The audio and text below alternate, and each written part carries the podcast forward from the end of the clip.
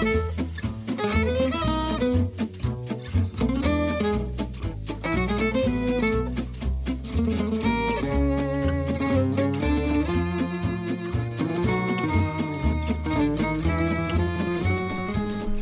og velkommen til Musett, procycling.no sin eh, sykkelpodkast. Jeg vet ikke om sjokket har lagt seg etter vårt eh, comeback neste uke. Det er kanskje like så stort eh, sjokk at vi er tilbake denne uka, men eh, vi holder våre løfter, ikke sant, Simon Nesler? Ja, vi prøver i hvert fall. Og da er det naturlig at det er en ny podkast denne uka. Og da satser vi på å fortsette med, og Theis Magelsen vil òg fortsette å være med oss. Velkommen. Jeg syns vi avslutter året fryktelig sterkt. Så satser vi på at vi klarer å øke til eh, 2019-sesongen. Det får vel være et mål, eller hva, Knut? Absolutt. Um, nærmer seg eh, 2019, som eh, Theis uh, sier. Eh, men vi tenkte vi skulle ta en liten oppsummering av uh, hva som har skjedd på overgangsfronten i høst. Uh, hvilke ryttere som har signert hvor i 2019. Største, beste overganger og verste overganger. Og kanskje noen eh, ja, spå, spådommer på slutten og favorittoverganger og sånt. Eh, det er jo naturlig å starte med det som fikk eh, norske Twitter-lekfolk til å gå i fistel i høst. Eh, var vel i grunn ingen veldig store ryttere som sto og venta på, på overganger i løpet av året. Og BMC som var litt uh, snakkis ettersom sponsoratet der gikk ut, men plutselig begynte å dykke litt uh, rykter opp rundt Fernando Gaviria, Simon. Ja, de dukka jo opp. Når var det? Eh, I september-oktober må det ha vært. Og så litt sånn på overtid etter at en trodde Lefebvre hadde redda det når de fikk inn den nye sponsoren der i The Coining, eh, hvis det er sånn det uttales. Så, så ble det likevel overgang på han til UAE, sjøl om han egentlig hadde kontrakt med Quickstep ut, ut 2019, vel. Eh, og det Det kommer jo til å sørge for at det blir litt eh, endringer i arbeidsvilkårene til Alexander Kristoff, eh, som jo er ganske så relevant for denne podkasten, kan man jo si. Ja, norske tastaturer har gått glovarme de siste månedene, Theis. Hva er dine umiddelbare tanker? Nei, de, det koker over med god grunn, syns jeg. Det er, jo, eh, det er jo en eh, Hva skal man si? Vår beste mann er jo definitivt truet, for å bare fjerne alt, all tvil. Det, det kommer inn en raskere mann. Eh, Det tror jeg vi er enige om, alle sammen. Jeg tror vi bare skal, som, jeg tror vi bare skal legge den helt død med en gang. Og det er ingen tvil om hvem som er sjefen der. Nei, i, i en mann-mot-mann-duell så vinner vel Gaviria den ganske mange flere ganger enn Kristoff gjør. Så jeg tror nok det var en som, som Team Kristoff ikke helt så komme, i hvert fall ikke da, da de signerte for, eh, for UAE. Så, så det er jo ikke noe man ser veldig ofte heller i sykkelsporten, at, at uh, man har kontrakt med et lag, og så avbrytes kontrakten eh, tidligere. Det, det skjer vel kanskje oftere og oftere, men, men på så store navn er det jo ikke så ofte det skjer. Så jeg tror det var mange som ble tatt litt på senga, også i norsk sykkelpresse. Ja, det, det var det definitivt. Og de, Team Kristoff ble jo tatt ganske godt på den senga sjøl. De gikk jo til UAE nettopp med lovnaden om at eh, Alexander skulle få sjansen som, eh, som hovedspurter. Og nå, når de da henter inn Gavira allerede etter ett år, eh, og egentlig ganske automatisk degraderer han til en nummer to, eh, så det er vel vanskelig å forstå det som noe annet enn et lite holdt på å si mistillitsforslag til, til Alexander. Ja, det var jo noen ganske hva skal man si, jeg skal ikke si frekke, spydige kommentarer fra en av lederne, som at uh, med Gaviria da spurte vi ikke om fjerde- og femteplasser, da spurte vi om seier. Uh, og eh, de får jo noe Det er jo kanskje litt under beltestedet, vil jeg si. Ja, men det, jeg syns det for så vidt er en grei nok kommentar for Kristoff. Jeg tror han er fullt klar over at eller, Han er fullt klar over at han ikke er den raskeste lenger. Det sier han jo, det sier han jo sjøl. men han, jo, han er jo fremdeles en av verdens beste spurtere, sjøl om han ikke er topp tre på en vanlig sånn rolig dag i, i et starten på et etapperitt. Han trives jo når det er tøffe ritt eller langt ut et etapperitt. Men uh, UAE har hatt en mildt sagt elendig sesong. Uh, Kristoff redda er vel kanskje den som har redda mest av æren deres, selv om han ikke heller har hatt en spesielt god sesong. Så at eh, laget ser seg snitt og henter Gaviria når de får muligheten, det syns jeg er helt naturlig. Men, eh, men det var nok Ja, det kom nok som en ganske stor overraskelse på, på Team Kristoff. Ja, for det, det, må vi jo kunne si at det er jo en helt fantastisk signering de gjør her. Det er en colombianer uh, som er uh, Hvor gammel er han? 23 år? 23-24, vel. Ja. ja. Og han har allerede vist seg etablert seg som en topp, topp rytter. Så det er klart, når de får den sjansen, så må de jo signere han. Ja, altså, det er jo bare at det er ja. vi som syns det er litt kjipt. Ja, han er jo, sånn som jeg ser det, den meste spurteren i verden sammen med Dullen Grønneveggen. De bytter, bytter, litt på hvem jeg mener er best av de to. I tillegg har han vist at han har et veldig stort potensial i klassikeren. Han har jo vunnet Paris Tours, vel, blant annet. Og vist, Med en fantastisk langspurt. Ja, og han at Glemmer han, aldri den. Altså. Ja, han har vist han har det der Det kaliberet hvor han kan Han kan angripe, han kan spurte, han kan mikse det opp veldig mye. Så han er en veldig spennende rytter som sannsynligvis bare kommer til å bygge videre på, på utholdenheten og ja, en mann som kan dominere i klassikerne framover om noen år med litt mer erfaring. Mm. Han var jo ikke langt unna å ta en skikkelig svær seier i i San Remo i 2016, var det vel, men var uheldig og velta på oppløpet. Da var han jo i gullposisjon. Uh, så det er jo nettopp det som er hans styrke, at han kan, kan vinne de rittene som er typiske Kristoff-ritt. Og det er jo ikke akkurat uh, godt å høre for, uh, for mannen selv, Kristoff. Nei, vi skal, skal, vel ikke legge skjul på at det er penger inne i bildet her. men en ganske smart move av UAE som går inn og kupper markedet litt. For han hadde jo egentlig kontrakt neste år, da. Det er veldig langt fra sikkert at han hadde gått dit eh, neste år hvis han hadde, når han eh, eventuelt var på utløpende kontrakt. Nei, absolutt ikke. Men det er jo klart at han, eh, han Machin, han, eh, han som er tatt over som manager i UAE, har et veldig godt øye for Gaviri òg. Det er jo han som uh, henta han til Quickstep i, i sin tid. Uh, så jeg tror nok de har et ganske godt forhold, uh, de to mellom òg, som gjorde at det var en overgang som lettere kom i stand enn en, eh, om andre lag hadde vært inne i bildet. Syns dere Kristoff har grunn til å føle seg sveket av UAE? Eh. Altså, han, han, trodde nok han skulle få spurta i Tour de France i to år, i hvert fall. Ja. til en viss grad så kan han nok gjøre det. Eh, for laget har sikta som en helhet i hele år, men Kristoff har likevel kanskje vært det meste på et dårlig lag, sammen med Dan Martin, som har hatt sine lyspunkt.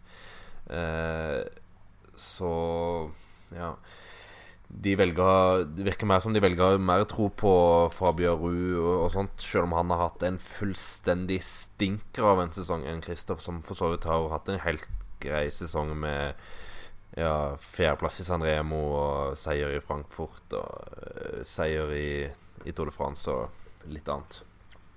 Um, de potensielle ja, konfliktene dukker jo gjerne opp i, i San Remo og, og, Tour de France. Da, naturlig nok. Uh, I Tour de France er det vel uh, høyst sannsynlig at Kristoff aksepterer en uh, ja, opptrekksrolle. I hvert fall på de flateste etappene.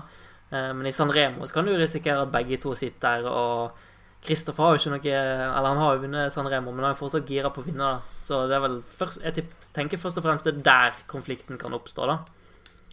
Ja, litt som San Remo og Gent Wevelgem og eh, Eschmond Frankfurt, hvor Kristoffer vant i, går, i år etter Gaviria fullstendig feilberegna siste sving, og eh, Britann og Hamburg og Det er jo de ritter som de begge er veldig gode i, og som Kristoff først og fremst har spesialisert seg Det er der han har henta inn så ufattelig mange UCI-poeng de siste åra. De endagsrittene der. Eh, og det er klart at der kommer de veldig i clinch, for Gaviria er like med Kristoff en mann som, som eh, takler bakker bedre enn de fleste spurterne, og som ja, liker et, eh, liker et lite sliterritt. Så der er nok først og fremst eh, clinchen. Eh, for ja Selvfølgelig klinsjer de òg i Tour de France hvis de begge skal der, men det tror jeg Kristoff ganske greit forstår hans rolle. Mens det er nok verre å ofre egne ambisjoner i en spurt i San Remo eller i, i Wevelgem. Så har jo Kristoff fortsatt et par S i ermet da, i uh, ritt som Flandern rundt og Paris-Roubais. Trodde, trodde jeg du skulle si Tour de Fjords her, eh, Theis, men Nei, Hammers, Hammers Stavanger tenker jeg mer på der. Uh, men, men Gaviria har aldri syklet Paris-Roubais, aldri syklet uh, Flandern rundt. Mulig han slipper til der neste år, hvem vet. Men jeg har ikke noe tro på at han At de kjører for han første, første reise der, tror du det? Nei. Ikke Kristoff som tidligere vinner av Flandern rundt, i hvert fall. Nei, det virker helt usannsynlig at han skal få en kapteinsrolle, i hvert fall. Det kan være at han Eller det er naturlig om han får en beskytterrolle, men det er selvfølgelig Kristoff som er kaptein på et sånt lag. Det er alt annet er ja, hvis, eh, hvis Gavira vinner omlopp et newsblad og E3 og Gent Wevelgem i forkant, så kan det selvfølgelig diskuteres, men eh, det er nok nesten det som må til òg. Altså Med tanke på, eh, på, Tour de France så er det jo litt interessant å se hva, hva Kristoff velger.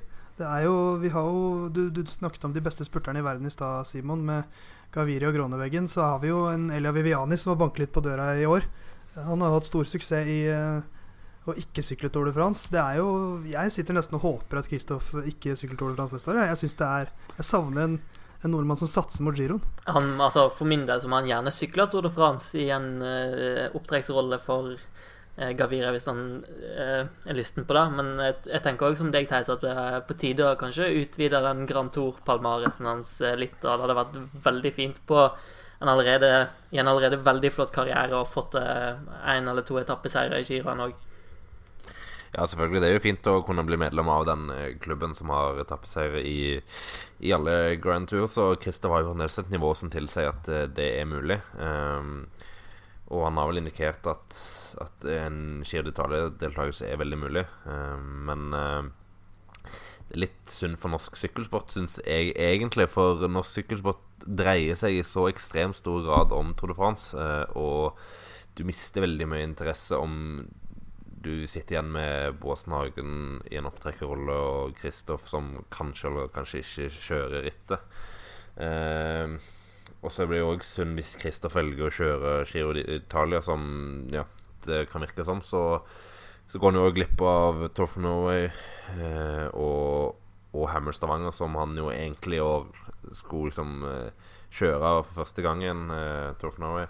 Eh, siden California nå er flytta Eller ja, det er mer rom mellom California og Turf Norway. Så da mister du den største stjernen i, i de største nasjonalrittene og du mister den største norske stjernen i i hvert fall i en framskutt posisjon i Tour de France. Jeg vet ikke om det nødvendigvis er så positivt for norsk sykkelsport, for folk eh, følger ikke så mye med på Giro som de gjør på Tour de France. Det er et godt poeng. Det er kanskje mer gøy for oss, eh, oss, spesielt interesserte. Men så er det jo også VM neste år, et stort mål for Kristoff. Så det er kanskje ikke det året hvor han endrer såpass drastisk på, på rittprogrammet sitt. Eller hva tenker dere om det? At de heller velger det, det trygge. Ja, altså De har jo en veldig En formel som har funka veldig mange ganger. Det ser du jo på VM-resultatene Kristoff, hvor han jo har de en rekke med topp ti-plasseringer. Så at den eh, klassiker eh, eh, klassikersesongen og så med diverse ritt i mai og juni pluss og Tour de France og klassikere ut og derfra virker, det er det jo ingen tvil om. Så det er jo selvfølgelig et ganske stort usikkerhetsmoment oppi det om de, hvor mye de tør å gamble på noe sånt. For eh, ja, Kristoff ble jo ikke, han ble ikke yngre. Eh, det kom en god VM-rute sannsynligvis for han i 2021 og i Flandern. Men eh, da er han 34 år. Sannsynligvis en ganske flat uh, Flat løype, det jeg har sett. Og jeg tror Yorkshire er hans siste store sjanse hvis han skal ta et mesterskapsgull. Så må vi ikke glemme hvor gammel årets VM-vinner var, da. Nei, selvfølgelig ikke, men, men, han, men han, er, han, er, unik òg. Det handler litt om uh, hva ryttertype du er òg, selvfølgelig. Uh, selvfølgelig. Det er vel ikke naturlig å forvente at Kristoff skal bli raskere med åra, mens uh, ja, det kom opp nye ryttere bakfra, og Gaviria og Grønneveggen og den gjengen der får ennå et par år til på baken. Så jeg tror den store, store sjansen Kristoff har igjen for å ta et VM-gull, det tror jeg er i Yorkshire i, ja, om en eh, Hva ble det? Ni måneder? Plutselig er vi der. Ja. Eh, hvis vi legger bort eh, våre norske briller litt, eh, ser bare litt på Gaviria eh, Han Martin som Simon nevnte i sted, som har blitt ja, han er, er, han sportsdirektør eller team manager? Team manager. Ja. han jobba i Hva har Fida-laget til Quickstep heter før? Um, Diet Ethics, altså Ethics, Klein ja. Konstant, ja. ja. Der mange av talentene til Quickstep har kommet opp. han har jo åpenbart gått inn og tatt og virker som har tatt veldig over UAE-prosjektet. da Har spennende ting på gang der. viktig del av at Gaviria kommer inn. men skal ikke jeg legge skjul på som det nevnte tidligere, at UAE har hatt en ræva sesong. Og Gaviria går for et ekstremt velsmurt maskineri i quickstep som sanker seire i øst og vest. ekstremt solid tog og ryttere rundt seg. og går til et UAE som ikke har vært ja, ekstremt suksessfullt. Hva, hva tenker vi om akkurat den biten? Han tar en sjanse, da. 24 år gammel. Han, han, hadde ikke trengt å ta den sjansen, men, men, det er klart det er mange kokker i Quickstep Floors. Det har vært deres styrke også, at de er så mange kapteiner. Og så ser jeg at Simon selvfølgelig sitter og lager en, en håndbevegelse nå som uh, tyder på at han uh, mener det er penger det er snakk om. Uh, og det er selvfølgelig også en faktor. som er helt ærlig og ærlig sak, det. Det har jo Kristoff også vært ganske ærlig om, at penger er en viktig motivasjonskilde. Så, det er forskjell på å være 23 og 31, da. Det er en forskjell. Så, så det er jo sportslig sett en, en, sjanse han tar. Det hadde vært tryggere for han, tror jeg, å bli Quickstep Floors. Men på den annen side, han uh, blir jo en enda klarere kaptein kanskje i Quickstep Floors. De lener seg i hvert fall mer på han enn det Quickstep Floors uh, hadde gjort, for de har flere de kan lene seg på. Nå har jo ikke UAE så mange som har levert så veldig bra. Nei, klart. altså I Quickstep så begynte han jo å få konkurranse fra Viviane, som var fantastisk i, i år, og, Hodge som kommer opp, blir bedre, Jacobsen som blir bedre. Så dere hadde jo uansett blitt litt sånn at jeg må fordele litt sjanser, så her får han jo klart mye større ansvar. Eh, men hovedproblemet til Gaviria i UAE blir jo at han kommer til et lag som har et opptrekk som ikke fungerer. Uh, ja, de, de mista Swift nå. Ikke at han var aldri, aldri noen su suksess i opptrekk. Ferrari ble jo, var jo hovedmann til, til Christoph, mann som alltid var med når Kristoff vant. Uh, men uh, ja, hovedjobben hans var jo som regel gjort når det var 500-600 meter igjen. Uh, og Gavire er uten tvil veldig godt vant når han kommer fra et lag med ja, Richese som, eh, som, kanskje er verdens beste opptrekker, som sin faste sistemann. Eh, og den overgangen der tror jeg kan bli spennende å se hvordan han takler å komme til et lag som ikke kommer til å, til å avlevere han i perfekt posisjon gang etter gang etter gang, som han er vant til. Vi har jo sett at det tar litt tid å bygge sånne solide tog, eh, så de har en veldig stor jobb å gjøre. Eh, Kittel, som kom fra Quickstep i fjor til Katusha i år. Eh, ikke at Katusha-opptrekket var noe bra i, utgangspunktet, men så ikke at det var på ingen som helst måte noen automatikk i at en, en av verdens beste spurtere går inn i et lag og plutselig bare revolusjonerer eh, samspillet der. Så er jo Kittel også litt en altså For å være litt brutal, en one trick pony. Eh, Gaviria føler jeg har mye større spekter med, med, sine ferdigheter. Og så sitter jeg nå og tenker det hadde vært typisk hvis den mannen som løste opptrekksproblemet til UAE, var Alexander Kristoff. At det, det, er det missing link i opptrekket deres. Ja, altså uten tvil så tror jeg Kristoff kan være en av verdens aller, aller, aller beste opptrekkere om han uh, går inn for det. Fordi han har, som vi har sett, i hvert fall nå i siste, siste året, halvannet, uh, hvor han har vært mye mer uh, for seg sjøl enn hva han hadde på det beste i Katusha, så så har han en uh, posisjonsevne som er veldig bra. Uh, og han har fremdeles en hurtighet som er bedre enn de fleste andre opptrekkere. Så at han kan være en fantastisk opptrekker, det, er jeg ikke i tvil om. Men jeg tror ikke han er helt mentalt klar for å ta den overgangen ennå. Nei, på ingen måte. Det er nok noen år til, til han godtar det, og det er jeg glad for. Simon har en veldig fin sak eh, på våre sider, der han har gått gjennom alle, alle lagene, alle World Tour-lagene sine overganger og gitt de karakter. Eh, vi skal ikke gå gjennom alt i dag. Da blir vi sittende ganske, ganske lenge. Men vi tenkte vi skulle gå gjennom litt vinnere og tapere. Og vi kan jo starte med, med vinnerne, da. Og hvem skal vi trekke frem da, Simon? Uh, nei, jeg tenker bare en Merida er kanskje den største vinneren for meg. Sammen med Lotto NL Jumbo, som jeg syns har gjort veldig mye rett.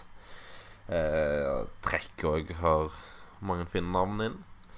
Bahrain Marine har, har jo virkelig signert De har gått på storshopping hos BMC og henta ut veldig mye bra. med Rowan Dennis og Damiano Caruso og Dylan Toynes. Alle veldig gode, og Toynes òg fremdeles ung. Dennis til en viss grad ung. Caruso går inn som en verdensklassehjelper for uh, Nibali. Uh, en generell bare styrking av hele det laget. Uh, Bauhaus òg inn uh, fra Sunweb. Som, Siberg. ja, så jeg syns de har gjort veldig mye rett. De har mista Isagire-brødrene, men uh, som et tap for de er solide ryttere, selvfølgelig. Men de, det de henta inn, er bedre. Ja, de har jo Dennis Jeg syns hans karriere karrierepil peker oppover. Syns ikke jeg kan si det samme om disse gireguttene. Og så får de jo eh, inn en, en regjerende verdensmester òg. Det er jo også uhyre attraktivt. Mm. Og en som plutselig kan finne på å levere i en Grand Tour. Så har de Nibali, de har Pozzo Vivo. Det er fortsatt veldig, veldig solid, det de har med seg videre også. Så veldig, veldig lovende, og absolutt en av vinnerne. Enig der. Eh, et annet lag som jeg trukket frem av deg, Simon, er Lotto NL Jumbo. Ja. Ja, det, det syns jeg de har vært veldig flinke med det de har gjort. For eh, de har, de har kanskje ikke henta topp, topp, topp navnet, men det de henta, er veldig bra. Uh, de har sett at de har et problem på lagtempo, f.eks., hvor de i Tour de France tapte hva var det, 1,15 eller noe sånt til, til vinnerne. Eh, en avstand som, hvis du ser på resultatet til slutt, det er jo det som gjør opp eh, avstanden for Roglic opp til tredjeplassen, til, til Froome. Eh, så får de inn Tony Martin, som selv om han ja, ikke er verdens beste temperytter lenger. Fremdeles er selvfølgelig en veldig god temperytter. og har mye sjøstykke og mye erfaring. Eh, får en Leonste pluss som en sånn veldig fin annen type moneyball-signering, sånn jeg ser det, god i fjellene, god, i, uh, god, på tempo, passer veldig fint inn i et lag rundt, uh, rundt Roglic og Kreuzweig. Eh, og så har de òg henta veldig mye spennende inn på klassikersiden med med Mike Toynissen, som har vært veldig stabil god gjennom hele sesongen. Og ble vel òg nummer to i Vast noe der som Edvald rota seg litt vekk i, i finalen. Og eh, mannen med det flotteste navnet hele sykkelsirkuset, Taco van der Horn fra, inn fra Rompot, som eh, som eh, Han sleit jo veldig med en hjernerystelse.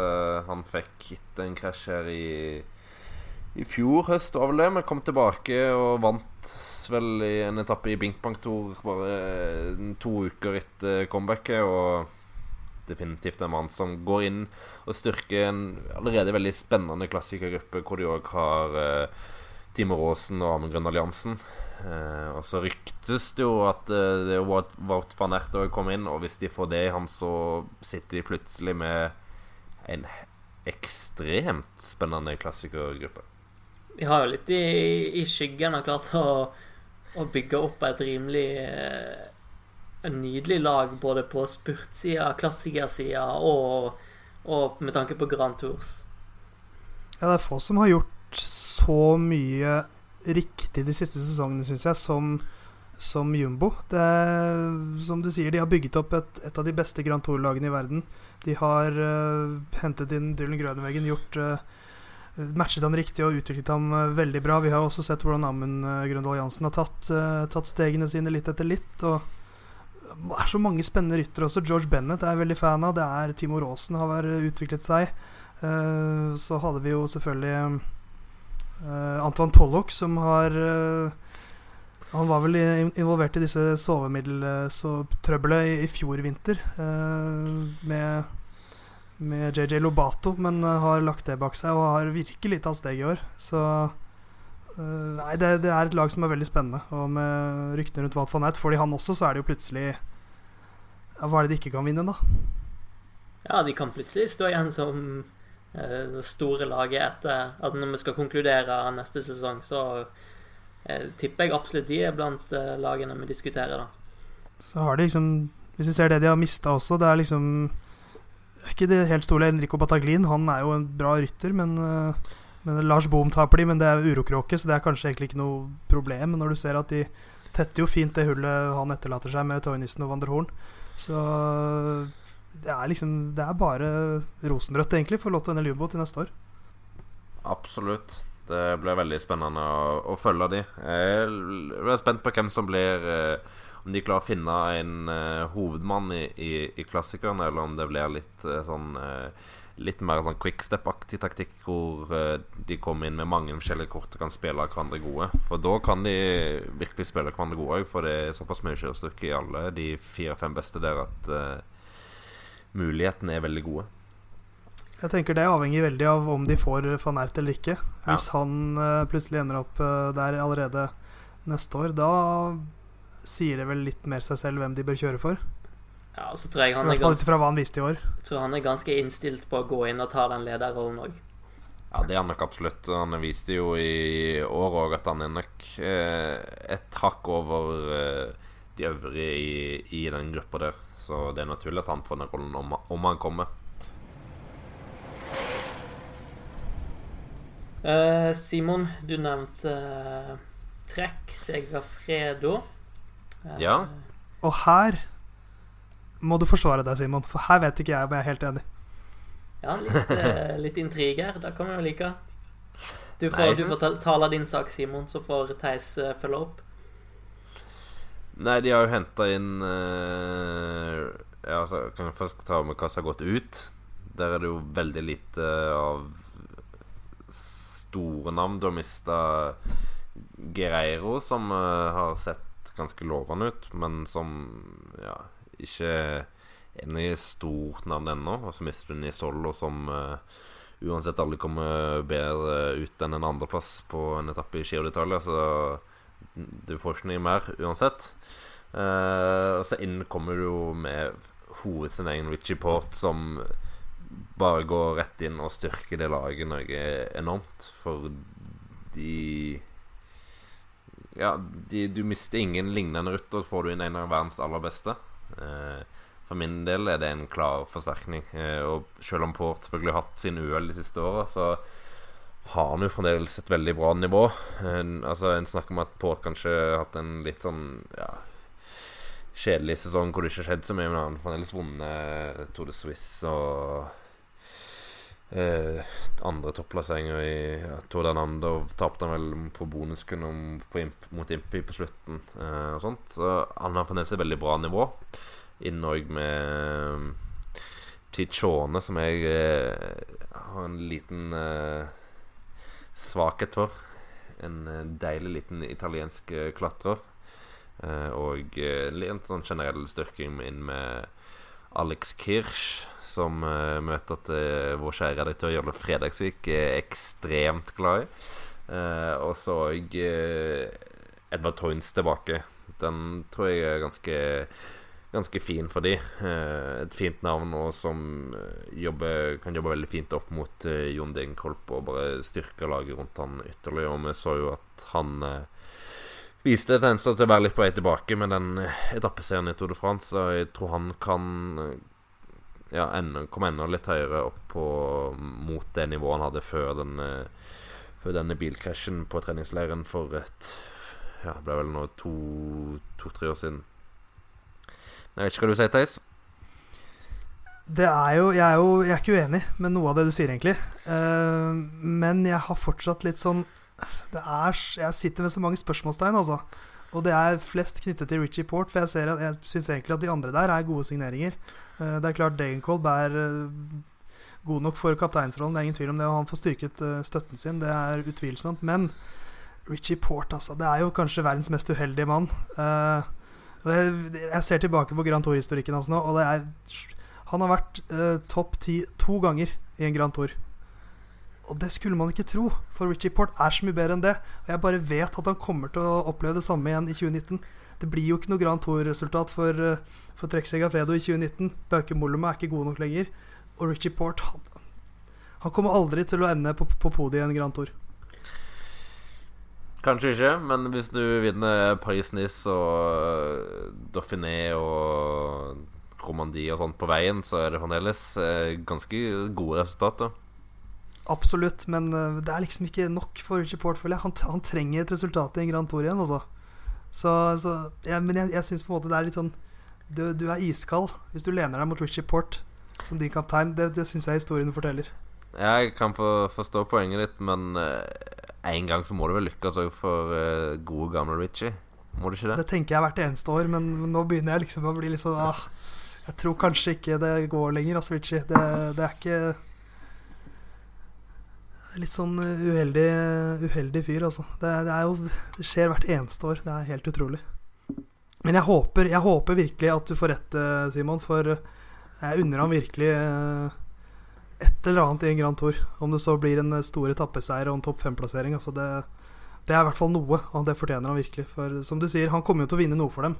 Om det er Sveits rundt, eller om det er Paris-Nice, eller, eller, et eller annet. Det kommer han til å gjøre. Så sånn sett er han jo en, en forsterkning. Eh, fryktelig spesielt om en så uh, En rytter med så stor kapasitet og så stort talent går hele karrieren uten å få et skikkelig Grand Tour-resultat. Uh, beste Grand Tour-resultatet hans er vel nesten fra Giroen i 2010 eller 2011, da han Eller han har vel en femteplass i Tour de France. Han har det. Han har en, I Grand Tour-debuten hans i 2010 ble han nummer syv. Vant ja. ungdomstrøya i Giroen. Og så ble han nummer fem i Touren i 2016. Han har aldri vunnet en Grand Tour-etappe. Nei. Uh, men jeg tenker det handler vel så mye om hva Trekk seg av Fredo trenger. treng de er nok veldig lysten på å heve, heve seg i World Tour-sammenheng, uh, og gjerne få noen Ja, om det er Tour Down Under eller Paris-Nice, og få noen sammenlagtseire. sammenlagtseiere. men ja vanskelig å, å si hva han skal tenke om Port med tanke på historikken hans i Grand Tours de siste årene, og måten han alltid klarer å rote til på. Uh, så jeg spår uh, sammenlagt seier i Tour of California. Trekk seg av Fredo er kjempehappy, og så tryner han som pokker i Tour de France. Ja. Så blir det tiendeplass på Baukefar. Ja, Bauke er kanon, vet du. Ferdig. Jeg elsker Bauke Mollema. Ja. Bauke, Bauke vinner, vinner San Sebastian i år. Verdens deiligste stil på sykkelen. Fy søren. Den fagginga der. Åh.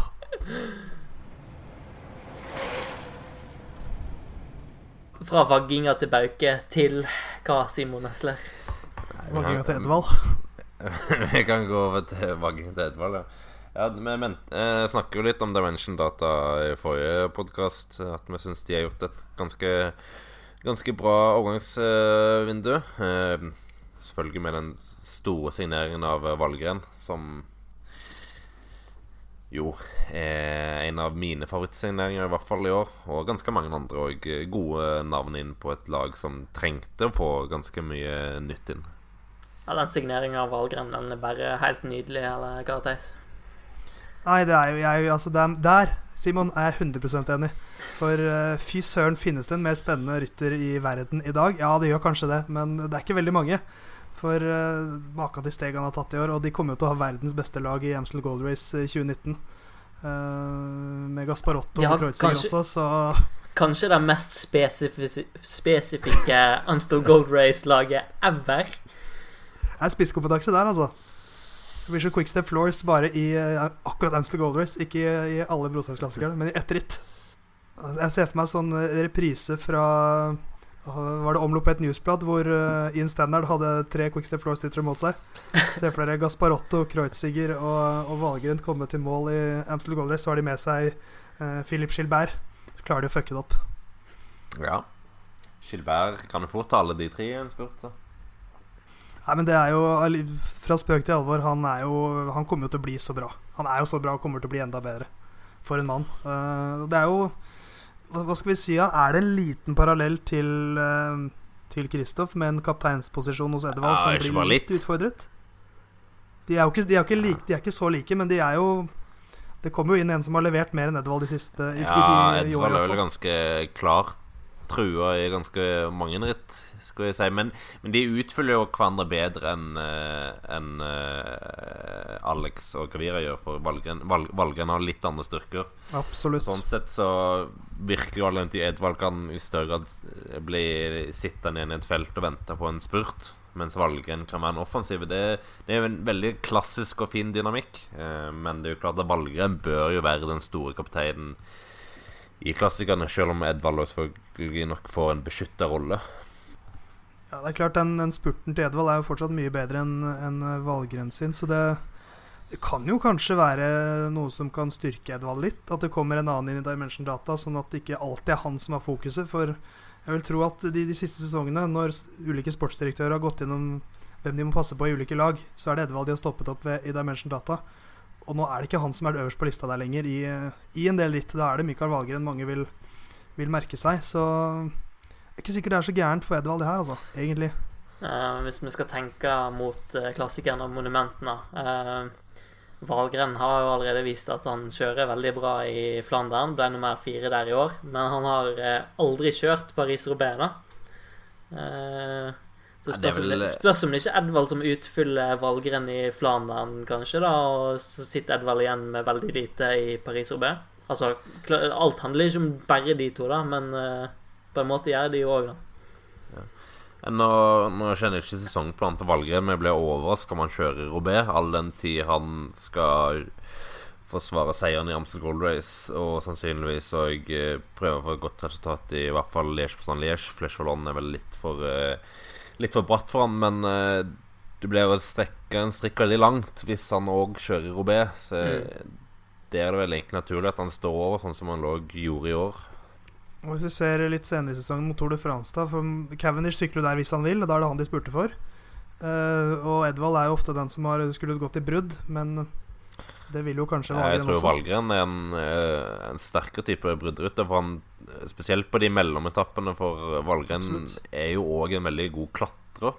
Han, han så I Dauphiné så var han vel type 25-30 sammenlagt. Uten å virke holdt på si, gå for et sammenlagt resultat, bare at han var gjennomsterk. Eh, så Valgren er en en av de aller aller fremste allrounderne i dagens sykkelsport. Så han er jo mye mer en rytter som er et perfe Han er jo perfekt for et eh, sånn eh, brødetappe i Tour de France. Hva tenker dere om de andre rytterne som de har hentet? da? Nizzolo, eh, Danilo Wyss, eh, Lars Bach. Det er jo Er det noe å skrive hjemme om? Bak er jo litt sånn, ja HTC-signering. Sitter og tauer tauer feltet for Cavendish, men han er så klart en eh, bunnsolid eh, signering. Vyss òg. Eh, veldig solid. Eh, Nisollo, ja Han er en fin opptrekker for Cavendish, da, ja, muligens. Tja, jeg tror ikke han heller tar en eh, En eh, kjøre Giron uh, Weltan-type rolle. Muligens. Han, han, jakt, han jakter jo denne etappeseieren i, i Giro d'Italia. Ja, evige jakten der. Ja, Det er, det, er, det er han som har ørten det er han, det er han, det er han som har sånn tolv andreplasser. Det er ikke så dum signering for Dimension Data. Så det laget de hadde i, i Giroen i år, var jo ikke var jo ikke all verden. Eh, Det var jo Louis Mankis de hadde som, uh, som kaptein. Og Ben O'Connor som var best før han eh, røyk ut på slutten. Mm. Så hvis de har en rytter som kan kjøre inn noen, en, en del topp fem-resultater, kanskje ta en tappeseier, så kan fort Nisolo vise seg å være en veldig god signering. Ja, de trenger jo for virkelig seire, så etappeseier i Tour of Turkey er jo sikkert ikke å forakte heller. Så Så har de også sikret seg en, en spennende unggutt i Gino Mader, som vant to etapper i, i Tour l'Avenir. Og avsluttet bra i Tour of Vainan, hvor han også vant en etappe og ble nummer to sammenlagt, vel, bak, eh, bak Fausto Masnada. Så det er også et veldig spennende navn. 21 år gammel sveitser. Vi får, får inn veldig masse kvaliteter, for så vidt, og så forsvinner ut en del eh, ja, overflødige overflødige ryttere. Jeg syns de begynner å miste veldig mye av sin afrikanske identitet, da. Men uh, det er nok det som òg muligens må til for at de skal klare å være gode nok sportslig, rett og slett. For de har jo ikke vært gode nok de siste åra. Det viser jo alle resultater. Så Norge må vel gjøres. Og den valgrensigneringa er tett på det perfekte svaret på hva som må gjøres. Eh, du, du, gav de sju av ti i karakter. Eh, ville Andrea Tafi vippa de opp på tieren, Simon? ja! uh, nei. Uh, det ville han ikke. På, på memeskalaen ville du det. Nei, nå, nå, For en vits det hadde vært, ass. Ja. Det hadde vært, var faktisk litt provoserende. Ja. Hvis uh, Tafi hadde tatt plassen til Tille, f.eks. i Paris-Roubais. Ja, uh, hvis Tafi skal gå til et lag, så må han jo gå til type Ja, ikke uh, Movistar, kanskje. Eller noe sånt. Fortuneo, de, ja, der pleier de jo å hive ut det meste, så Nei det er vel like greit for Dimension Data at det ikke ble noe av denne Taffy-signeringa. For eh, det er jo Ja, du får litt PR, men det er òg alt du får, tror jeg. Det vært Altså, hvis han ender opp i et World Tour-lag, så vil, er det ganske flaut for sykkelsporten, vil jeg påstå. Det kunne vært litt gøy hvis, hvis det var ti år tilbake i tid og det var Euskatel Euskade var snakk om, da. Da hadde sannsynligvis han vært deres beste. Altså, jeg, Selv om han var 52. Ja, jeg tror Tafi holder et helt greit nivå. Uh, han, ja, han kjørte jo proffritt i høst eller noe sånt. Ja, ja den ungarske 1-2-ritt eller noe sånt. Men uh, Så jeg tror han har et helt OK nivå. Uh, men det, det, er helt feil at han skal ta plassen til en ung rutter som, som er på vei opp. Det, det er feil bruk av av ganske begrensa plasser allerede på et lag. Det er vel syv stykk som får kjøre Paris på hvert lag, så du skal ha et rimelig dårlig lag for at du skal kunne forsvare å ha Tafi med. Ja, vi er jo inne på et visst spor her, så skal vi kikke mot uh, de uh, dårligere lagene på overgangsfronten. Er det noen ja. som eh, peker seg umiddelbart ut? Noe hårreisende? Mm. Altså, det, det, spørs jo litt hvordan en ser det, selvfølgelig. For økonomien har jo mye å, å, å si oppi her. Uh, altså Det BMC-CCC-greiene uh, Det er jo et det er selvfølgelig mye dårligere lag enn BMC var i år, men det er jo et bedre lag enn CCC var i år, så jeg vet ikke helt hvordan du skal egentlig vurdere det. Uh, Quickstep har jo mista veldig mange gode navn og ikke fått inn så veldig mye. Mitchelton Scott og mister June og får ikke inn erstatter. Uh, sånn sett dårlig overgangsvindu, men de prioriterte Yates-brødrene. Men eh, ja eh, Jeg syns Astana har vært dårlig. De det De mista Valgren. Det var det jo litt at de ikke helt kunne strekke seg langt nok når det når gjaldt eh, penger, men der var det rimelig mye svant ut òg. Du mistet Sagire-brødrene som Nei, de kommer inn, selvfølgelig, men, men du mistet et klassikerlag. Uh, et helt klassikerlag fra Stana. Du har fremdeles Fremdeles Lutsenko, men det er vel egentlig det. Så får du ut med Valgren, du er ut med Grivko, du er ut med Gatto. Du er Truls Korseth legger opp. Eh, så mister du Kangert og mister Sjanetskij. Det Ja. De står litt ribba tilbake, syns jeg, selv om de får en, et par gode rutter i, i fjellene med Isagiri-brødrene og, og Kudus uh, og litt annet sånn ymse talenter. Men de mister, mister, et veldig spennende klassikerlag. De mister laget som dominerte i Ungdom Pet Nyhetsblad. De mister laget Eller en del av laget som dominerte i Hamson Gold Race. Så de er min kanskje største sånn taper på, på overgangsvinduet. Jeg vet ikke hva dere tenker. På langt vei enig. Altså jo, jeg tenker Man må se på de lagene som har enten uh, ikke klart å dekke hullene sine, eller uh, at det har oppstått hull. Og I Astana så har det oppstått et klassikerhull. Så Da har jo de gått svekket ut av overgangsvinduet. Jeg tenker sånn som Quickstep Floors. Ja, de har mistet uh, de mistet Gaviria, de mistet Terpstra. Uh, men der er det samtidig så mange spennende ryttere at, at, de kommer sannsynligvis til å klare seg helt fint. Eh, kanskje det ikke blir den braksesongen som de hadde i år. Men at det blir en meget god sesong, det er jeg ikke i tvil over. Men jeg tror kanskje at Katusha Alpezin er en av mine tapere. De hadde Var det fem seire de hadde i år? Uh, og hva er det de har hentet som kan styrke dem? Det er Jens de Buschere.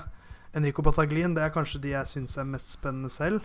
Daniel Navarro, litt støtte til Zakarin. Ruben Gureiro, Dimitri Straka og Harry Tanfield. Jeg syns ikke det lukter eh, seire i hopetall av Katusha Alpezin.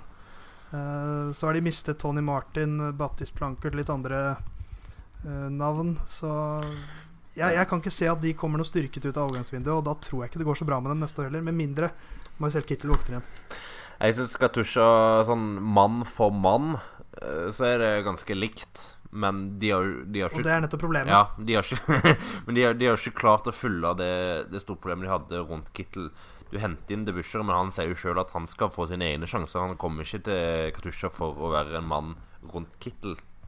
Og da sitter du fremdeles hjemme med Sabel og Haller som opptrekker, øh, som uh, beviselig ikke har vært godt nok.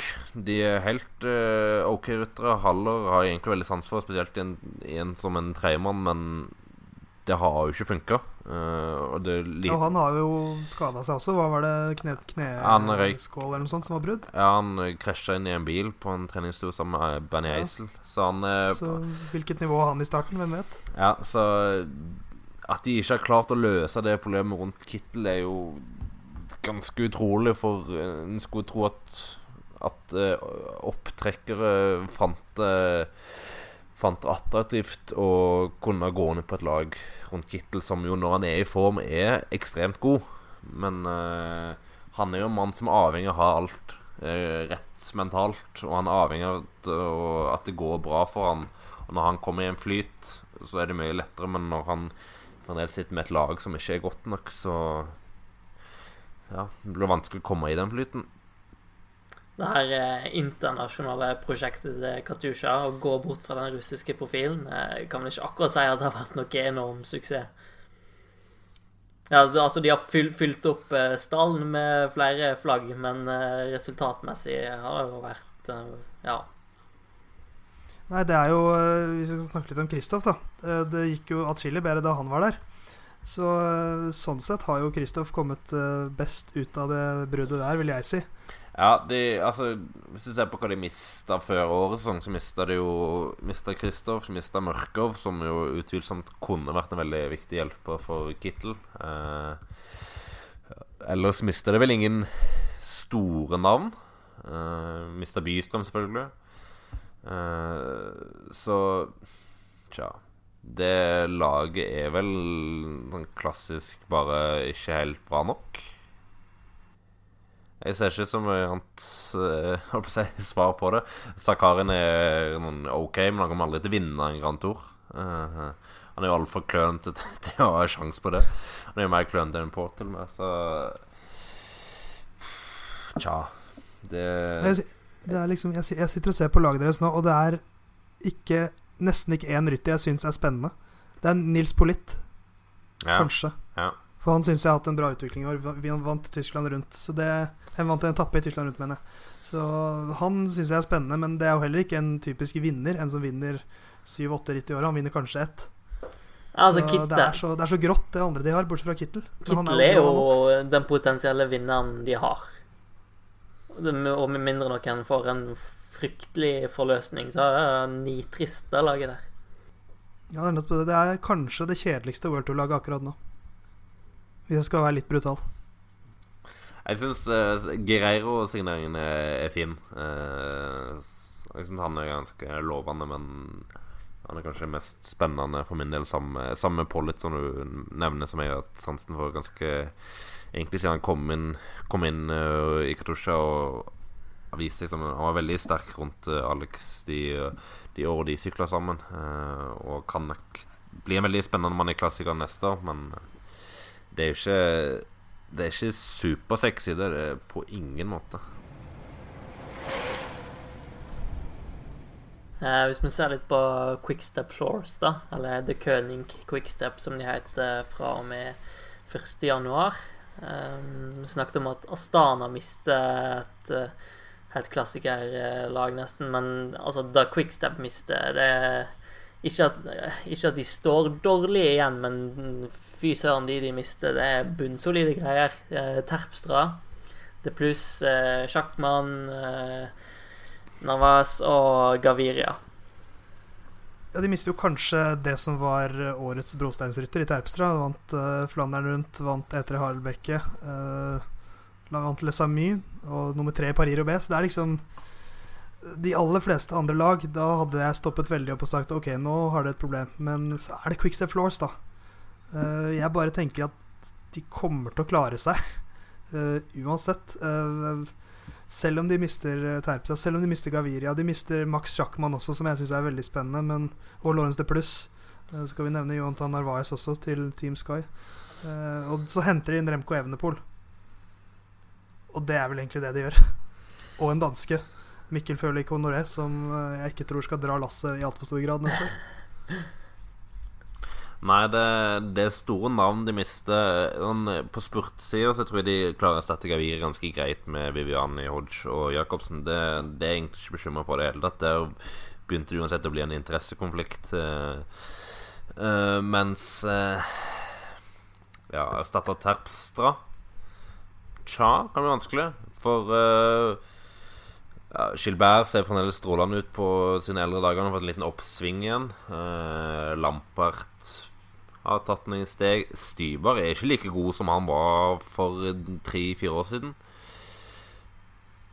Eh, jeg syns de mister sitt største navn i klassikerne og står igjen med et litt gammelt lag som kan Kan få problemer med å gjøre like skarpt som de har gjort det i de siste ja, to-tre åra. Uh, selvfølgelig er Evenepool en ekstremt, ekstremt spennende signering, men Og jeg tror han òg kommer til å vinne et par ritt, uh, kanskje til og med på World Tour-nivå neste år, men du kan ikke forvente at han skal dra ned i lass. Så de står ganske svekka i klassikerne for min del, i hvert fall. Det som kanskje dekker over litt for tapet av Terpstra, og at en mann vi ikke skal glemme, er jo at de har Ala Filip som kan gå og ta av denne trippelen. Og Bobby Ungels, Liège-Passon-Liège-vinneren. Ja, ikke minst. Ikke at jeg tror det skjer igjen nødvendigvis, men eh, Det skjer aldri igjen, men, men, men eh, altså, Filip kommer til å være der. Ja, Ala Filip eh, Måten han sykler på på sitt beste eh, i år eh, Rimelig dominant. Ja, han kommer til å vinne Flesh Vallon i hvert fall neste år. Eh, sannsynligvis noe annet også. Men hvis vi ser på brosteinsrittene altså de, har, de har jo Yves Lampert, de har Stybar de har, Jeg syns fortsatt de har De er fortsatt en armada. Og så tenker jeg litt på den overgangen til Terpstra til direkte energi, som er en veldig rar overgang, syns jeg egentlig. Uh, Skal Simon vise penger til Ja, ja, selvfølgelig. han, er jo, han er en raring. altså, og så tenker jeg som så Har ikke hans suksess vært mye på grunn av at de har så mange kapteiner, og han har vært den som har klart å stikke av gårde? Jeg tror ikke han kommer til å vinne et eneste stort klassikeritt i uh, eh, 2019. Det er min brannfakkel i dag. Eh, det er vel Jeg tror ikke det er en brannfakkel i det hele tatt. Selv om han kom inn i et lag som har et ganske ålreit klassikerlag der òg, men i direkte energi vil det jo alt handle om han, for det er ingen som eh, kommer til å eh, hoppe etter om Damier går der går av gårde. Da sitter vi og ser på Terpstad likevel. Eh, mens han i Quickstep kunne jo i mye større grad spille på lagkameratene.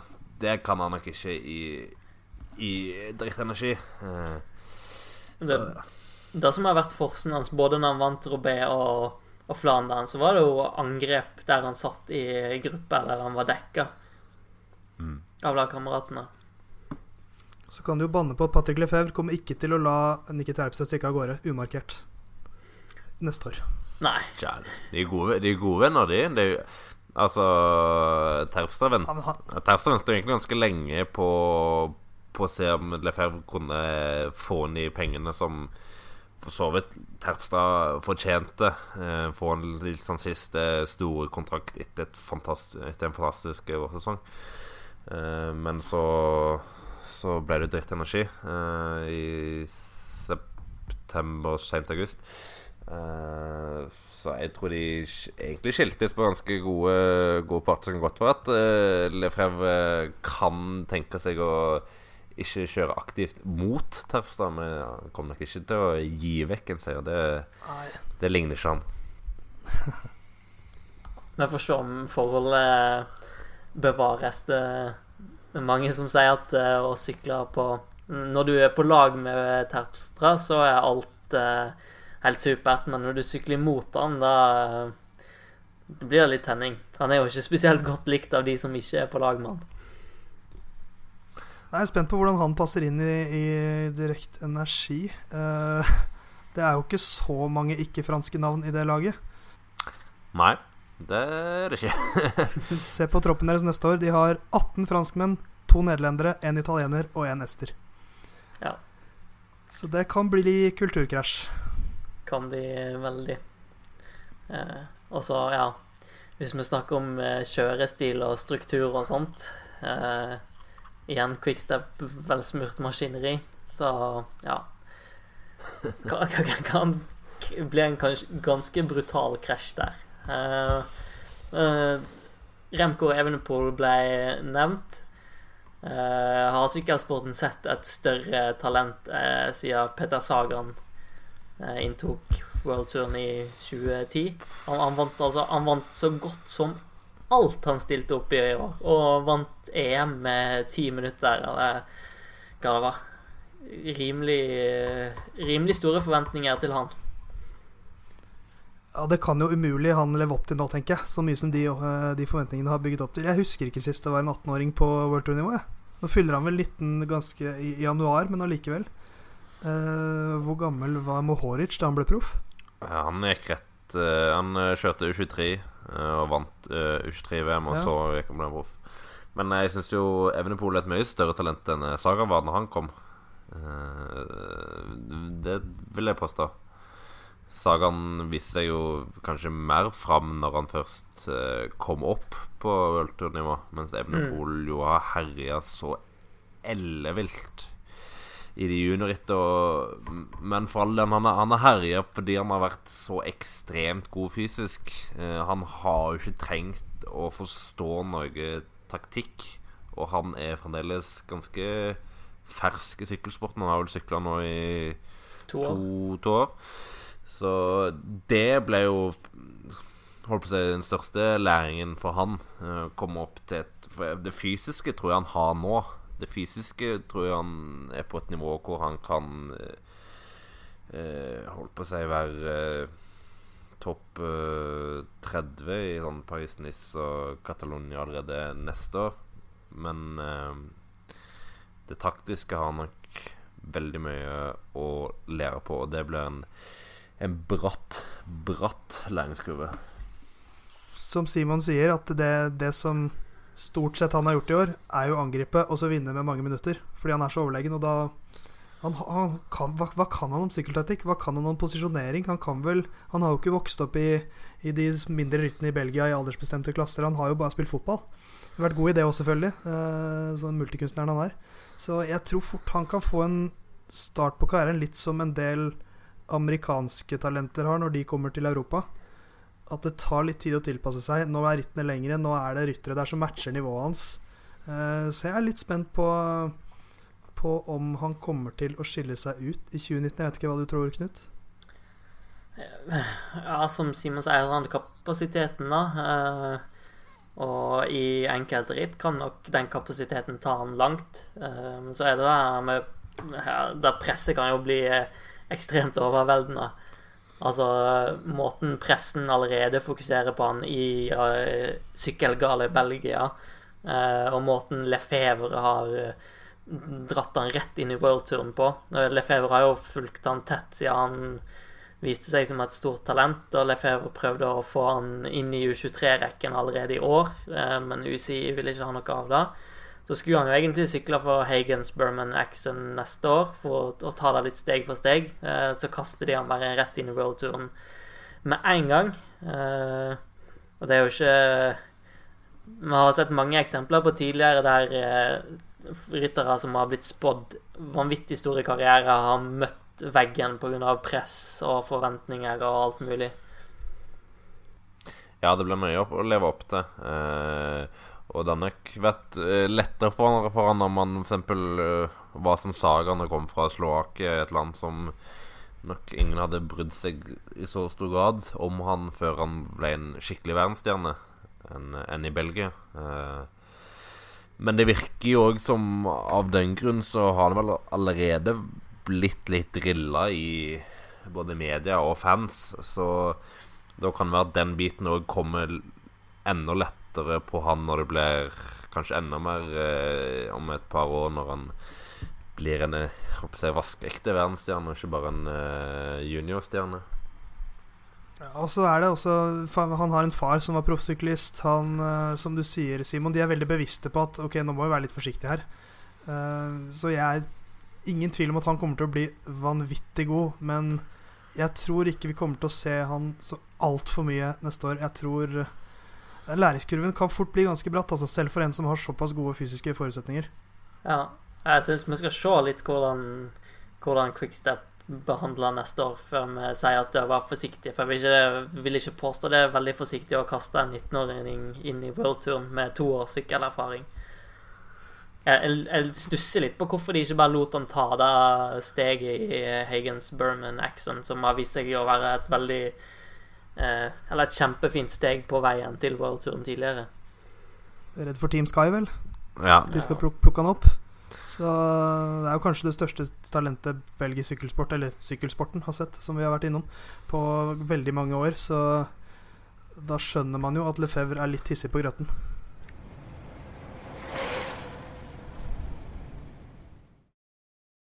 Skal vi snakke litt om disse overgangsfarsene vi har hatt i løpet av høsten, da?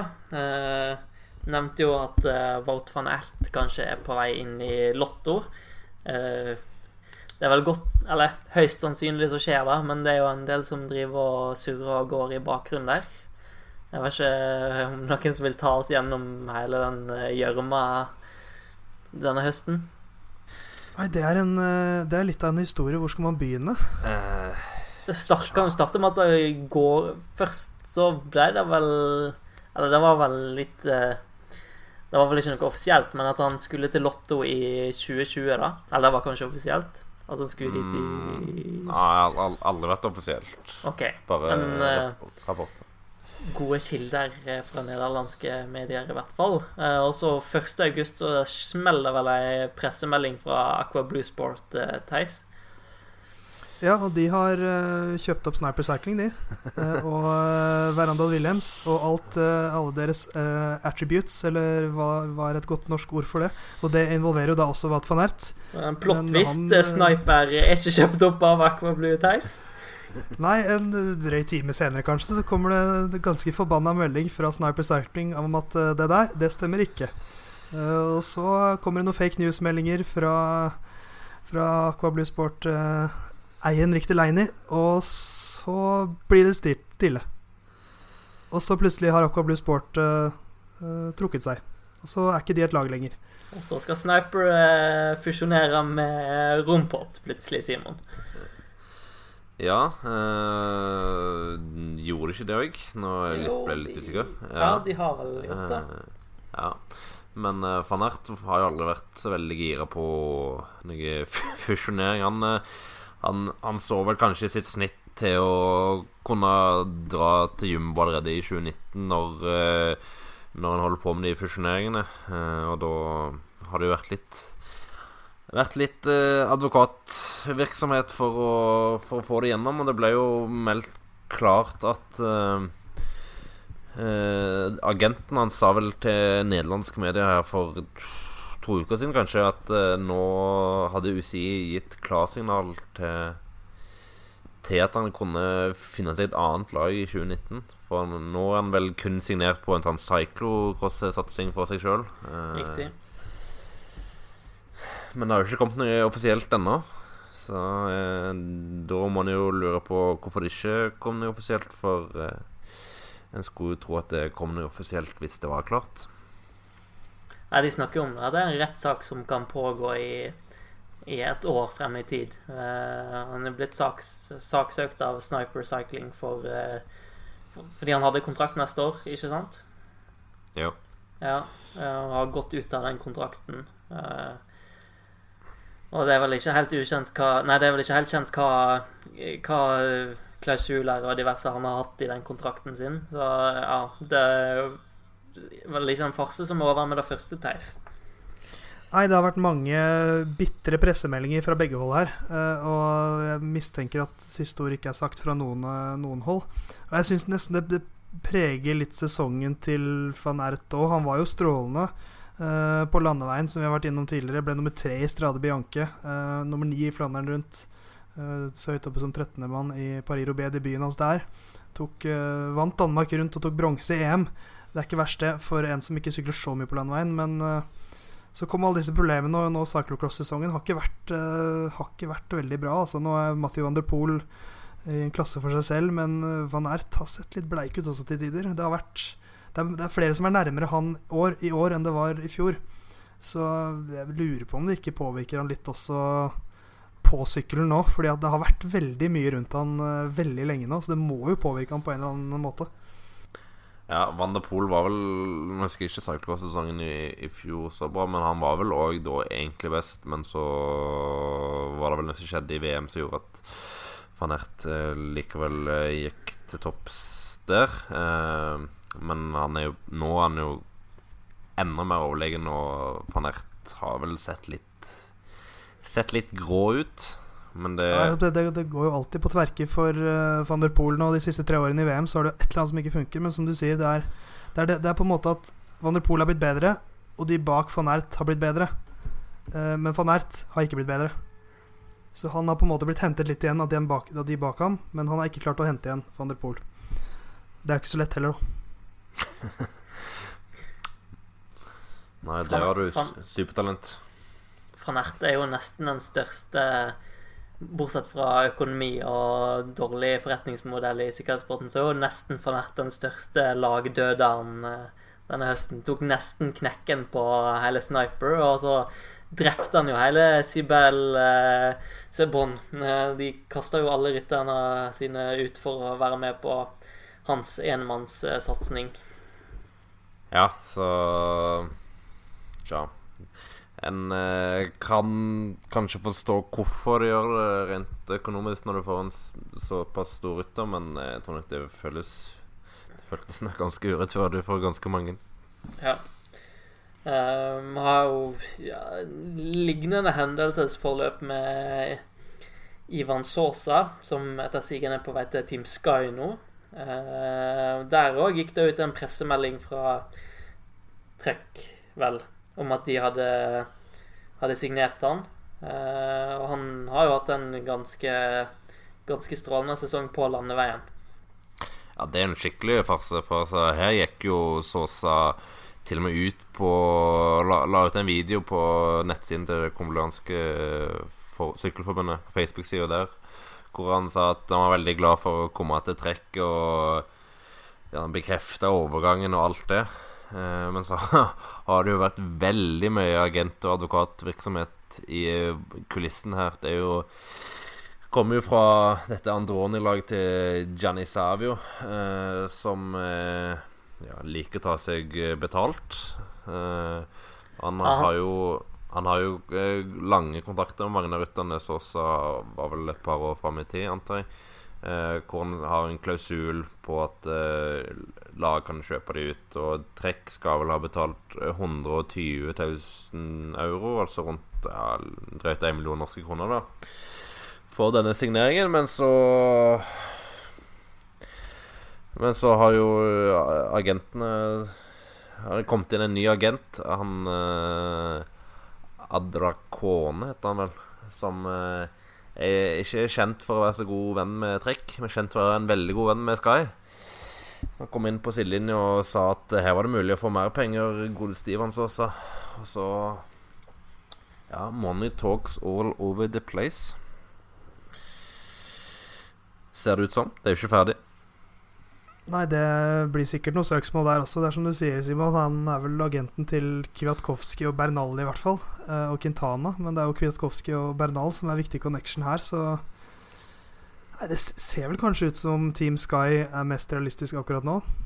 Ja, Eller hva tenker dere? ja, Cycling News har jo meldt at han skulle bli klar to ganger. To ganger har de meldt at han kom til å bli klar i løpet av kort tid. Eh, I oktober så meldte de at han kom til å skrive under eh, Eller bli presentert, presentert i, i forbindelse med Milano Torino eller Piemonte eller et eller annet sånt. Et av de rittene der i Italia eh, på slutten av sesongen. Det skjedde jo ikke. Så Ja. Det virker som om Sky eh, er i teten, men det er åpenbart at det er noe eh, juridisk eh, i kulissene et eller annet sted. For det vel agenten til Sosa hevder, er vel at de, det, har, det har ikke blitt signert noe. Det var en muntlig avtale. Uh, men da mente vel Trekk at det er bindende nok. Og det er det vel også, kanskje, rent juridisk. Nå er ikke jeg noen advokat, men, men en viss verdi har det jo. Så jeg er spent på hvordan det ender, men jeg tror vel også at det det heller mot Sky. Ja. Ser ikke helt hvordan Trekk kan komme seg inn på banen igjen. Altså, det er jo litt sånn når, når Trekk sender ut en bekreftelse, og når Sosa legger sjøl ut en video og bekrefter overgangen, så blir det jo litt tynt å si at nei, her var det ingen enighet likevel, for det har jo åpenbart vært en enighet på et eller annet vis. Eh, Det har også blitt sagt at det er kun eh, disse agentene til De tidligere agentene til Sosa som eh, har omgått den regelen om at du kun kan være, eh, representere en rytter så og så mange år av gangen ved å la en eh, advokat som ikke er en rytteragent, skrive under på avtalen, sånn at de fikk Sosa i fire år, ikke to. Men da mente jo han eh, nye agenten at den eh, avtalen ikke var gjeldende, og at derfor dette kontraktstilbudet sikkert ikke var gjeldende. Så ja, det er en suppe. Som ikke er kokt ferdig. Da har vi vært gjennom eh, mye av det forhåpentligvis det viktigste som har skjedd på overgangsmarkedet i, i høst. Eh, Jeg tenkte vi skulle se litt på våre favorittsigneringer, eller scoop, eller kall det hva du vil. Eh, Theis, vil du åpne ballett? Det gjør jeg gjerne, og jeg har valgt meg en sveitser som har forlatt BMC, men ikke dratt til CCC. Han har dratt til Gruppama Groupama efter sjø. Stefan Kyng eh, er min eh, favorittsignering eh, til 2019-sesongen. Eh, jeg er veldig glad i han. Han er så kjøresterk, sterk på tempo. Jeg har også fått høre han in instruere BMC-laget før en lagtempo en gang, og bare høre han snakke til lagkameratene sine om det å kjøre lagtempo. Det var helt magisk. Får man en parodi? nei, jeg husker ikke hvordan han prata. Men se for deg en som snakker engelsk med litt fransk aksent. Eh, han er kjøresterk og har også vist seg som en ganske bra klassikerrytter. Vært litt uheldig her og der, men har en tiendeplass fra Etre Harlbekke. Uh, 16.-plass fra Strade Bianche, og det er en sånn type rytter som er gull verdt for Arno Demar i klassikerne. Eh, og som også kan være en stor ressurs for Tibopi nå om det skulle dukke opp en lagtempo i en eller annen Grand Tour hvor han har litt ambisjoner. Så eh, Og så er han bare 25 år gammel. Eh, så jeg tror han kan vise seg som eh, en kanonsignering for uh, Eftersjø. Han tilfører dem i hvert fall noe som, som de har manglet litt, syns jeg. Så veldig, veldig spent på Stefan Kyng i 2019. Kyng er absolutt, eh, absolutt en eh, kjempespennende rytter. Eh, Simon, du har vel kanskje plukka deg ut en eh, spennende rytter, du òg? Ja, en spennende rytter. Kanskje hakket mer etablert enn eh, enn Kyng. Eh, har snakket litt om han, og min sånn favorittovergang eh, er Mikael Valgren, som, eh, som eh, Theis eh, omtalte som kanskje en av de mest spennende rytterne i feltet. Og ja, han eh, har tatt veldig store steg de siste årene og er så ekstremt allsidig i, i, klassikerne, i klassikerne og har så mye spiller på at det er bare en helt enormt god signering for Dimension Data, som virkelig trengte en type som eh, En ledertype som Valgren. Så han er min favoritt. Er det mulig å se mer dansk ut enn Mikael Valgren? Nei. Enkelt og greit. Uten Nei, jeg tvil. jeg er helt enig. Det er, han er jo så dansk som du blir. Det er jo røde pølser og Olsen Brothers og tivoli og København på en gang. Så blir det noe seier neste år òg. Det er gull verdt for Dimension Data. Hvem hadde du valgt da, Knut? Uh, ja. Er det nå vi skal be produsent om å sette på litt uh, romantisk uh, bakgrunnsmusikk og dempe belysningen og, og fullpakke, eller? nei, jeg har gått for en litt mer romantisk vinkel. veldig Ja eh, drevet av min indre kjærlighet for sykkelsporten. En mann som får hjertet mitt til å banke litt fortere når jeg ser han, uten å bli fullstendig eh, ekkel her. Det er lov, det er, lov, det er, eh, det er veldig innafor så langt. Ja da. eh, jeg vil ha da plukka ut uh, Lackland Morton, som vender tilbake til slipstream-systemet, og EF Education First Draypack. Uh, har syk har jo sykla masse i det systemet allerede. Etter han slo igjennom i 2010, gikk han inn i FIDA-laget til eh, Garmin uh, før han ble proff der i 2013. Uh, kjørte fantastisk på høsten i 2013. Vant en etappe i Tour of Utah, kjørte gult der, kjørte gult i US Pro Challenge. Veldig offensiv og og enkel type å like, men sleit veldig med å håndtere worldturen og og det livet. Han ble deprimert, rett og slett. Eh, så lagde dro han ut i den australske ødemarka for å sykle, og banka kilometer der, som resulterte i dokumentaren 'Thereabouts', som er eh, landeveissykling 101. Bare til å google den og, og se. Eh, og tok steget tilbake på kontinentalnivå. vant Tour of Utah i 2016 og returnerte til World Touren i 2018 nei, 2017 for Dimension Data, men har gått eh, så som så. Har ikke helt klart å, å etablere seg, men kommer nå tilbake i EF Education First Draypack. Fint langt navn. Eh, som følge av deres avtale med Rafa, da. Eh, og de skal jo satse bredere på, på sykling, da. De skal kjøre litt mer alternativt. De skal kjøre grusritt, de skal kjøre Red Hook Crit. Eh, som er gateritt med fastnavla. Veldig, veldig fascinerende konsept. Og de skal kjøre sånne ultrautholdenhetsritt. Eh, transkontinentalritt som Eller rittene har muligheten til det, da. Å kjøre ritt eh, som Race Across America. Og så er det vel sånn stort eh, transkontinentalt ritt i, her på denne sida av verden òg. Eh, prøve å skape litt større synlighet da, og ta bort litt av den veggen mellom proffsykling og mosjonister. Proffsykling er sånn veldig egen og sær greie, da, mens eh, mosjonister og sånt eh, Det er mer eventyr og, og, glede og sånt, og det er jo da han Lackland Morton brenner for, da. Eh, og jeg er kjempestor fan av han og alt han gjør, og har ikke noen andre ønsker enn at han skal òg klare å etablere seg på, på høyt World Tour-nivå igjen. Det du som ikke hører på, har fått sett, det er at Knut sitter med et bredt glis om munnen eh, mens han har pratet om dette. Jeg har aldri sett en så blid fyr før. Så det er tydelig at dette er ektefølt, og det er vakkert, syns jeg. Så, eh, han er bare 26 år gammel, ser jeg, så det, han har fortsatt eh, mange år foran seg. Så det er godt at han får eh, eh, en ny sjanse, da. Spennende valg. Ja, det, det er kjempemorsomt. Og eh, ja, altså toppnivået hans er jo rimelig bra. Eh, så er det jo det med å finne balansen i, i det her profflivet, da. Men jeg satt i hvert fall oppe til seint på natt og koste meg stort i 2016 da han vant uh, Tour of Utah, og måten han vant den siste, siste etappen på der. Uh, mulig du så det, Theis. Jeg vet ikke om du satt og kommenterte det, kanskje? Før min tid, men uh, jeg har nok sett det. ja. Nei, så ja, jeg, jeg, tror ikke jeg skal si at han er noen resultatgarantist foreløpig, men eh, sånn kjempespennende fyr å følge med på, på uansett. Det er jo tilbake til eh, Tour of Utah. Den topp treen fra 2016 er sterk. altså Lachlan Morton, Adrian Costa og Andrew Talansky. Det er vanskelig ikke å mm. føle noe når du hører de tre navnene. Det er tre skjebner. Ja. Eh, er det noe mer vi skal tilføye før vi, før vi takker av?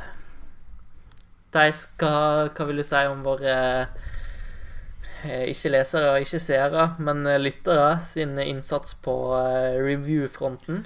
Nei, det er eh, Jeg er ikke misfornøyd. Men uh, sleng gjerne inn en, eh, en eh, rangering på iTunes. Uh, Musett uh, finner du der. Gi oss gjerne fem stjerner hvis du liker det vi holder på med. Og hvis du ikke liker det vi holder på med, send oss gjerne en mail. Post Ja, at procycling.no. Riktig. Simon, noe mer i protokollen? Vil du plugge noen saker på sidene våre, f.eks.? Eh, nei, ikke noe annet enn at eh, det er bare å vente på en ny podkast eh, neste uke. Eh, hvis dere eh, av en eller annen eh, grunn skulle ha fine innspill, så er det òg bare å sende inn på, på mail som Theis mailen som Theis nevnte. Så får ta det som en liten oppfordring. Procycling eh, på Twitter eller Musett på Twitter. Så det er bare til å sende inn. Vi tar imot uh, spørsmål og innspill og alt, alt vi kan få. Det er bare til å være med på å, å forme eh, veien til denne podkasten videre. Det setter vi veldig stor pris på. Uh, og så i tillegg til å legge inn uh, stjerner i iTunes, som du òg skal abonnere på podkasten. Uh, Det er bare til å søke opp Musett i hva enn program du bruker for å høre på podkast. Eh, og så takker jeg Theise og Simon for følget. Det var igjen veldig hyggelig. Takk det samme, Knut. Takk selv. Og så eh, høres vi neste uke. Ha det bra.